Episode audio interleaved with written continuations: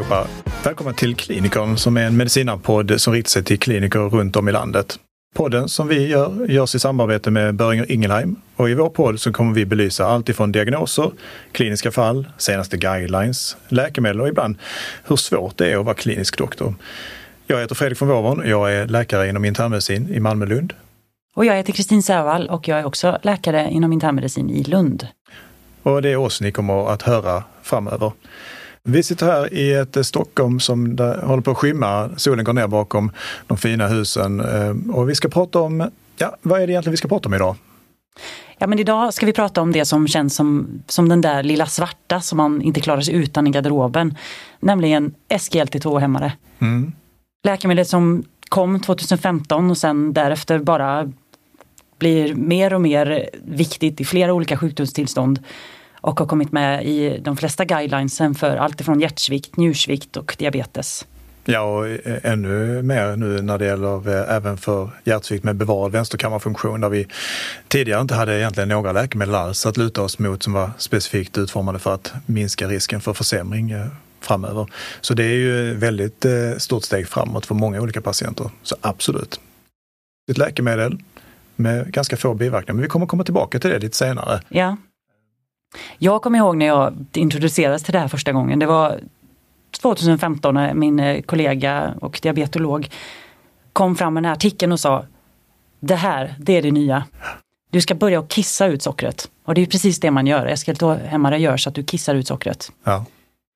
Det är, är ju så att du har väldigt, eller det har väldigt få biverkningar. Mm. Eh, det som händer är att det minskar receptionen av eh, av socker i proximala tubuli. Och det bidrar till att det sänker trycket, det har lite diuretisk effekt.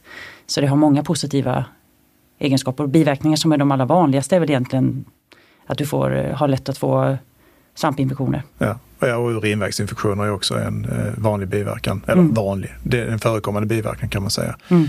Ja, men det är intressant hur ett läkemedel som gör att man kissar ut socker har så många andra effekter som påverkar både på progression av njursjukdom och, och även hjärtsvikt. Jag tänker kissa ut socker kan väl knappast göra att man, att man inte får sämre hjärtsvikt. Det låter lite konstigt. Ja, vad är det egentligen som händer då med hjärtat? Varför har det en effekt på hjärtsvikt? Ja, men som jag förstår, eh, ett läkemedel har ju sällan bara en effekt. Eh, och just i det här fallet när det gäller SGLT2-hämmare så verkar det ha väldigt många olika effekter. Eh, en effekt, eh, och man kan säga att man har luskat riktigt mycket på det här eh, för att ta reda på vilka effekter har egentligen SGLT2-hämmare. Det är ett pågående arbete. Men man har sett olika mekanismer. Det är ju egentligen en, en natriumglukostransportör i, i njuren. Men det har också andra påverkningar på natriumkalium ATPaser i hjärtat till exempel. Och där har man spekulerat i att man kanske får en bättre kontraktilitet i hjärtat genom att då hämma den här, Eh, det här proteinet. En annan effekt är ju att de här läkemedlen är ketogena. De gör att man får en, en ökad fettsyreoxidering i levern. Och det vet vi också att ketoner är ju en drivkraft för, för hjärtat, eh, hjärtats muskulatur. Och det kanske är där också som man har en viss effekt. Så, så eh, på den nivån kan man kanske förklara de effekterna som de har på hjärtat. När det gäller njurens, den potentiella goda effekterna på njuren så, så ser vi att ja, de minskar det intraglomerulära eh, filtrationstrycket och på så sätt kanske också eh, sätter eh, de neuroendokrina balanserna lite mer fördelaktigt för patienten och minskar då också stressen på njurarna. Ja, det sänker ju blodtrycket också, det är det som har Ja, det gör det. Absolut. Ja. Men andra positiva effekter är ju såklart, det kommer först som ett diabetesläkemedel. Mm. Det sänker HbA1c. Ja, det gör det. På cirka 4 till 10 enheter. Ja. Det är såklart lite individuellt. Det är också en eh, viktreducerande effekt. Det är inte det man primärt ska tänka på när man använder SGT2-hämmare för då finns det egentligen andra GLP-1-analoger som är bättre. Mm. Men cirka 2-3 kilo räknar man med. Mm. Kanske har det visst att du kissar ut en del vätska som är den eh, ja. viktreducerande effekten. Ja, man har ju sett i studierna att den, den totala viktnedgången minskar lite över tid. Så kanske är vätskan en, en bidragande faktor. Men en viktig del när det gäller läkemedlet är att man framförallt kanske inte går upp så mycket i vikt. Mm. Vilket gör att man kanske förskjuter tiden för diabetiker att behöva börja med insulinbehandling istället. Så, så det är ju ett bra läkemedel genom att man inte går upp i vikt.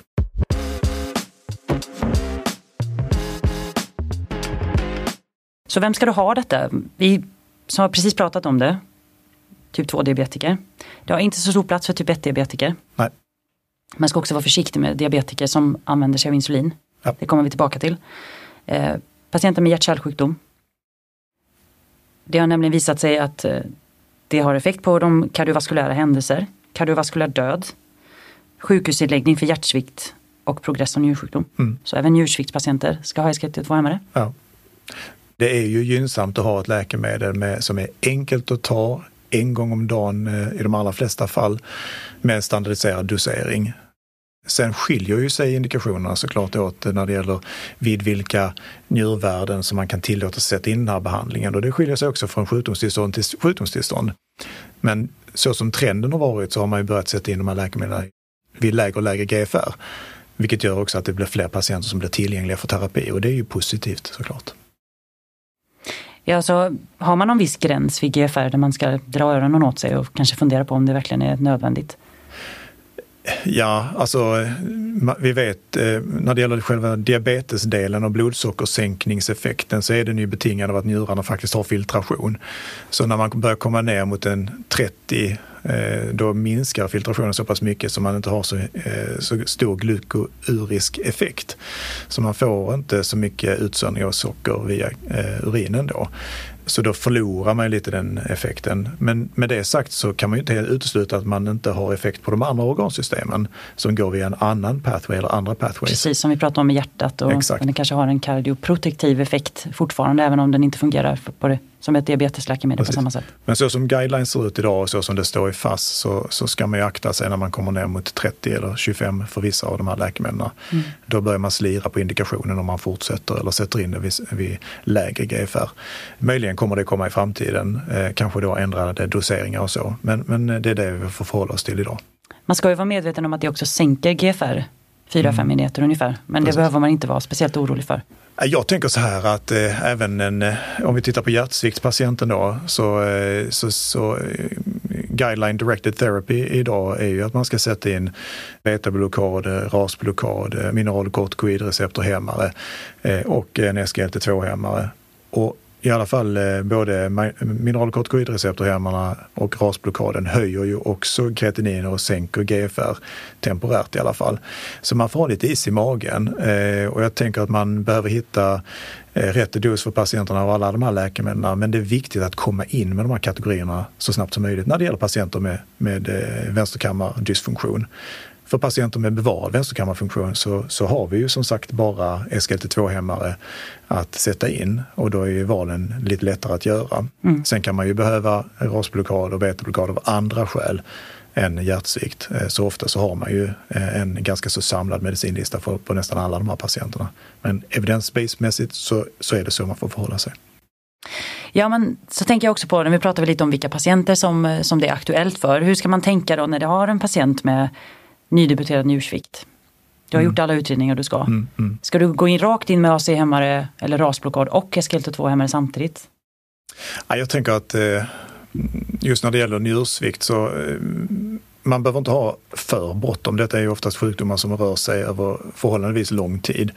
Och vi vet ju att, eh, att sätter vi in en, en AC-hämmare eller en, en angiotensinreceptorblockare på den typen av patient så får vi en förändring i GFR och vi får en förändring i kreatinin. Och det kan väl vara relevant och, eh, och klokt att man låter det läkemedlet i så fall få lov att få sin fulla potential när det gäller förändring i, i kreatininvärde innan man går in med nästa läkemedel som också påverkar samma parametrar mm. så man vet vad som är vad. Men låt säga att man sätter in en, en, eh, en, eh, ett rasblockerande läkemedel tidigt eh, i förloppet och sen låter det gå tre, fyra, fem veckor. Patienten hinner få ett stabiliserat värde och så kan man gå in med sin SGLT2-hämmare därefteråt. Mm. Det tror jag är ett bra sätt att förhålla sig, så vet man vad som är vad. Ja en diabetespatient, det är ändå fortfarande så att golden standard är att börja med Metformin. Ja, Men i de flesta patienter ska man då också göra en, eller lägga till SGLT2 med om patienten tål det. Ja. Ja, så är det. Och, och så som de flesta guidelines ser ut idag så, så är ju nästa steg för de här patienterna en SGLT2-hämmare eller en GLP-1-analog. Och i viss mån kanske en DPP4-hämmare lite senare i förloppet de här patienterna med diabetes har ju generellt sett en lite ökad risk för kardiovaskulära händelser och då är ju eh, SGLT2-hämmaren ganska gjuten som nummer två efter Metformin. Mm. Men då, då tänker jag ju direkt, eftersom att vi jobbar så mycket med multisjuka äldre. I alla tillfällen när vi har äldre patienter ska man ju fundera om det verkligen, vad är det egentligen vi vill åstadkomma med detta? Ja. Är det så att vi ska förhindra kardiovaskulär död på en patient som kanske är 90 plus? Precis. Är det verkligen värt det för den patienten?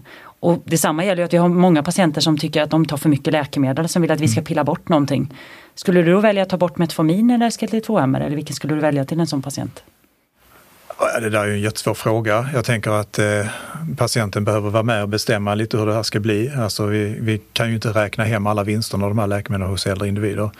Men tittar man på effektmåtten för SGLT2-hämmare och vilka organsystem som den faktiskt påverkar i positiv riktning så är det ett bra läkemedel både ur njursynvinkel, diabetessynvinkel och hjärtsviktssynvinkel. Och vi vet att de allra flesta gamla människor har komponenter av alla de tre eh, sjukdomarna. Det som driver dem till sjukhus är oftast hjärtsviktsbiten. Mm. Så har vi effekt på hjärtsvikten så minskar vi ju sjukdomsbördan hos patienten och den tiden som den patienten behöver vistas på sjukhus. Och det är även samhällsekonomiskt ju, eftersom att Såklart. det också har minskat sjukhusinläggningar för just hjärtsvikt. Ja. Med det sagt måste man ju säga att SGLT2-hämmarna kostar ju 12 gånger mer än vad Metformin gör. Mm. Eh, så man får räkna hem detta på lite större nivå såklart. Men, mm. men utifrån patientens perspektiv, jag tror att de allra flesta patienter vill vara hemma. De vill må så bra som det går. Mm. Det behöver väga tungt i sammanhanget. Men man ska också komma ihåg att Metformin också har kan vara farligt om du inte vet hur du ska hantera det vid akut sjukdom. När du mår illa, har gastrointestinala symptom. Många äldre patienter har svårt att ha kontroll över detta själva och man kan inte förvänta sig att omvårdnadspersonal vet när de ska sätta ut Metformin på patienter. Nej, vi behöver ju vara bra på att utbilda patienterna. Alltså, mm. Om vi sätter in ett läkemedel så ska vi också ta ansvar för att det läkemedlet eh, tas emot av patienten och att de kan förhålla sig till läkemedlet på ett bra sätt. Mm. Så eh, hela tiden jobba för information, se till så att patienten vet vad de ska göra när det blir lite klurigare, när de mår dåligt, när de inte dricker ordentligt, när det är varmt ute på sommaren och man svettas mycket. Sådana saker är såklart viktiga att förhålla sig till och det gäller jättemånga läkemedel, inte bara Metformin. Nej. Så det bör vi förhålla oss till.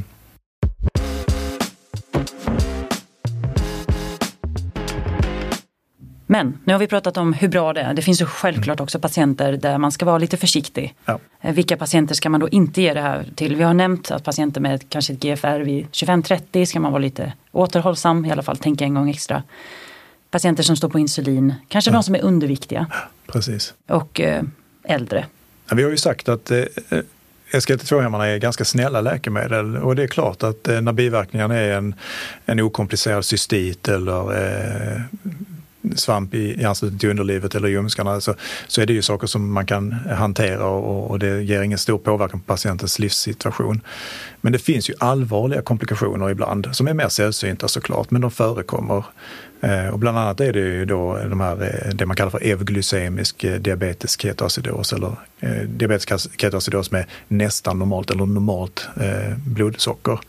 Och det är ju klurigt ibland att både identifiera och behandla och kan ja. vara teoretiskt sett, eller både teoretiskt och i verkligheten eh, farligt för patienten. Ja men det är ju en diagnos som blir vanligare och vanligare mm. som man måste vara väldigt uppmärksam på. Jag som fortfarande jobbar på akuten, jag har ju patienter som kommer med diffusa symptom som på ketoacidos men eh, där du har ett normalt socker. Jag tror att man har förbisett detta många gånger men nu har ju det blivit mer och mer uppmärksamhet på det. Så det viktiga är ju att man frågar om, om symptom. Mm. Har de kräkts? Har de mått illa? Ökad trötthet? Kissar de mycket? Ja precis och, och, och, även som någon slags fråga precis när patienten kommer om de kan redogöra för det eller deras anhöriga möjligen. Står de på en SGLT2-hämmare? Mm. För då behöver vi tänka lite annorlunda. Ja. Man har sett i studier att eh, någonstans mellan eh, 1 till 4 procent av alla så kallade, eller det man kallar för diabetes ketoacidoser är euglysema och de är i väldigt stor utsträckning då drivna av SGLT2-hämmare. Eh, så, så de, detta är inte helt ovanligt. Nej. Men vad är det egentligen som händer rent patofysiologiskt? Ja, det är ingen som vet det. Nej, Nej jag skojar lite vet man. Ja, precis. Jo, men det har ju blivit, eh, det har blivit en eh, kunskapsökning kring det här. Mm. Alltså som du sa i början av vårt prat så, så 2015 så var detta nästan okänt. Men över tid så har de här patienterna blivit fler. Och vad är det som händer? Jo, alltså man får ett dränage egentligen av det endogent förekommande glukoset alltså, och glukoneogenesen är avstängd. Så vi har tömt våra glukosdepåer genom att vi kissar ut sockret hela tiden och vi fyller inte på i tillräckligt stor utsträckning. Och det stör den här balansen mellan glukagon och insulin. Mm. Och då drivs ju den här svält, svälten, eller man ska säga, drivs ju lite av, av eh, SGLT2-hämmare. Så vi har en, en kronisk svältsituation. Så vi har en ökad ratio av då glukagon-insulin Ja precis, så, så glukagonet är klart högre proportionellt sett än vad insulin är vilket gör att vi då tömmer våra eh, gluk glukosdepåer, vi stänger av glukoneogenesen och vi har en ökad fettsyraoxidering. Så vi skapar mer acetoacetat och beta-hydroxysmörsyra som då ger den här surheten i patientens blod. Mm. Och det kan då ske med ganska normala eller till och med helt normala eh, blodsockervärden. Och när patienten kommer in med det här då så är det jätteviktigt att vi tar ketoner på våra patienter. Har de en ketonemi så det förklarar hela acidosen, ja men då behöver vi inrikta behandlingen för den här ketonemin. En sak som ju också hör till när man frågar anamnes på mm. en patient med de här symptomen är också om de har ändrat sina insulindoser. Eftersom att deras socker ofta är normalt men det är ofta så att de fått ändra insulinbehovet eftersom att det, har, mm, det finns precis. en obalans. Ja precis, precis. Och en viktig, om det, man tänker, är det något take home message som, som vi har lärt oss i alla fall i Malmö-Lund över tid, det är att vi, när vi började behandla de här patienterna eh, så gav vi dem alldeles för lite socker. Mm. Vi gav dem insulin och vi gav dem eh, kristalloida lösningar, oftast då antingen natriumklorid eller ringeracetat med kaliumtillsatser, därför kaliumet är oftast nästan normalt eller lågt.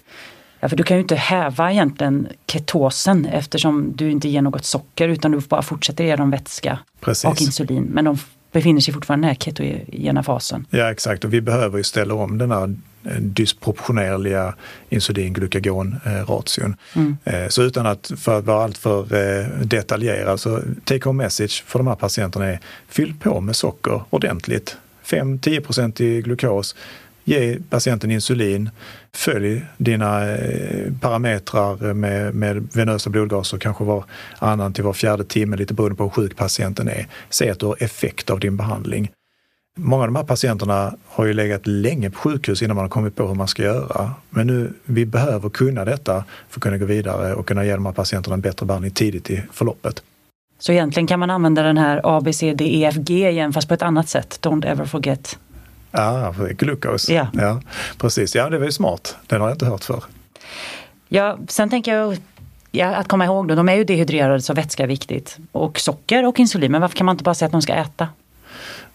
Ja men det kan man eh, mm. såklart. Eh, ett problem med det är ju dels att vi kan inte riktigt veta exakt hur mycket socker patienten får i sig. Och ja, men om vi har träffat patienter som har en förhållandevis uttalad eh, acidos så är de rätt osugna på att äta många gånger. De mår illa, de har ont i magen och de kräks. Mm. Och då blir det en väldigt osäker energitillförsel. Så jag tror att vi behöver kontrollera situationen. Så, och det kan man göra på olika sätt. Antingen så, så vet vi att patienten får i sig de här eh, näringsämnena och så, så löser saker sig, sig själv. Men för att vara helt säker så kanske man ska så kallat äga situationen i början och, och se till så att vi verkligen kan säkerställa att patienten får i sig det. Mm. Ja, det är en viktig diagnos att komma ihåg mm. och viktigt att komma ihåg sockret. Så för att avrunda igen, mm. take home message. Mm. Om ni inte har förstått det redan så är det ju ett bra läkemedel, SGLT2. Vi vet ännu inte riktigt långtidseffekten av den här medicinen så man måste också tänka två gånger och kanske följa upp patienten mm. om några år. Ja, precis. Kom ihåg att tänka vad du gör när du hanterar äldre patienter med multisjuklighet. Och kom ihåg allvarliga biverkningar. Ja precis och eh, kan vi det så kan vi faktiskt erbjuda patienten en väldigt säker och bra behandling. Och eh, återigen, vi har för första gången ett eh, läkemedel som har effekt vid diastolisk hjärtsvikt eller hjärtsvikt med bevarad vänsterkammarfunktion. Och det är ju verkligen ett steg i rätt riktning. Så vi ser fram emot att både förstå varför det här fungerar bra och att patienterna får ta del av läkemedlet i större utsträckning. Det är ju annars en diagnos vi kommer att prata om i ett senare avsnitt. Absolut. Spännande ämne som vi inte har så mycket behandling för. Nej, precis. Men då är vi färdiga för idag, eller ja. vad säger du? Och jag tänker så här, eh, skicka gärna in frågor, antingen som gäller det här avsnittet eller andra frågor som är kluriga eller patienter som ni har träffat på och hur man ska förhålla sig till det. Så tar vi upp det i podden och diskuterar vidare. Så hoppas jag att ni har tyckt att det här var intressant. Och så ses vi och hörs. Ja, framförallt hörs. Ja, det gör vi. Ha det bra. Hej då. Vi hörs.